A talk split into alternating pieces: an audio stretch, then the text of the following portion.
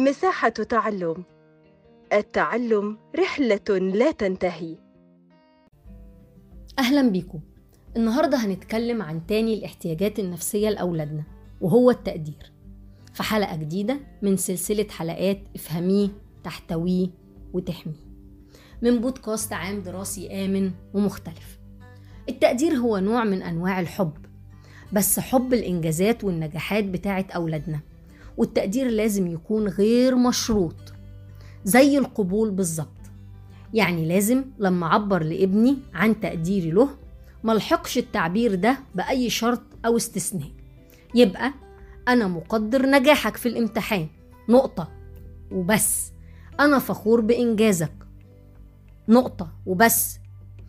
بدون ما أقول له بس لو كان ال ال الإنجاز ده أحسن أو أكبر أو أفضل. أنا ممتن بكذا بس بدون ما أقول له برضو ده كان هيبقى أحسن أو أفضل لو عملت كذا. تاني حاجة التقدير لازم يكون للإنجازات والنجاحات في كل جوانب خماسي الشخصية. يعني لو إنجاز في الجانب الجسمي زي الرياضة يقدر إنجاز في الجانب العقلي زي المذاكرة يقدر إنجاز في الجانب النفسي زي ضبط الانفعالات يقدر. إنجاز في الجانب الاجتماعي زي إقامة علاقات متوازنة مع الأصدقاء يقدر. ولو الإنجاز في الجانب الروحاني زي المواظبة على عبادة ما برضه يقدر. كل الإنجازات دي تستحق التقدير وغيرها وغيرها وغيرها في كل جوانب الشخصية. لكن التركيز على إنجازات جانب واحد فقط زي المذاكرة بس أو التفوق الرياضي بس ده غلط كبير ممكن نقع فيه كلنا. لأنه بيحسس أولادنا إنهم مهما نجحوا وحققوا إنجازات إن إحنا حاصرين نجاحاتهم دي في جانب أو جانبين وسايبين الباقي وده بيحبطهم جدا. التقدير فيه طرق كتير بتعبر عنه وهي نفسها طرق القبول. الكلام الحلو التلامس الجسدي الهدايا الوقت النوعي أعمال الخدمة. لو عايزين نتعرف عليهم أكتر نرجع لحلقة القبول. ولكن في هنا علامة استفهام كبيرة. أعمل إيه تجاه أخطاء وإخفاقات أولادي؟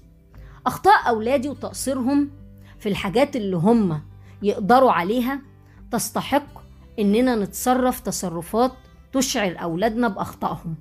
بس التصرفات دي ما يكونش فيها إهانة ليهم. فمثلا ما ينفعش أضربهم أو أشتمهم عشان أحسسهم بأخطائهم. طب أعمل إيه عشان أحسسهم بأخطائهم من غير إهانة؟ عندنا طرق كتير هنتكلم عن أشهرها.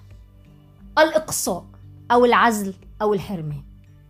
بمعنى أبعد شيء بيحبه ابني عنه زي مثلا حرمانه من المصروف من الخروج من العجلة من اللعب من حاجة حلوة. كل ده الحاجة التانية عندنا تكلفة الاستجابة يعني يدفع تمن الغلطة اللي بيعملها. يعني مثلا أخصم من مصروفه تمن حاجة بوظها. طيب الحاجة التالتة التصحيح الزائد وده عبارة عن إنه برضه هيدفع تمن غلطته بس بشكل زائد. زي مثلا لو قصر في الواجب يحله أكتر من مرة لو كسر كوباية يدفع تمنها مضاعف وهكذا. التقدير غير المشروط احتياج مهم جدا جدا عند أولادنا مهما كان عمرهم. قدروا أولادكم بدون شروط هتحتووهم افهميه تحتويه وتحميه. وهو ده هدفنا وفي النهاية دايما مع بعض لتربية أفضل.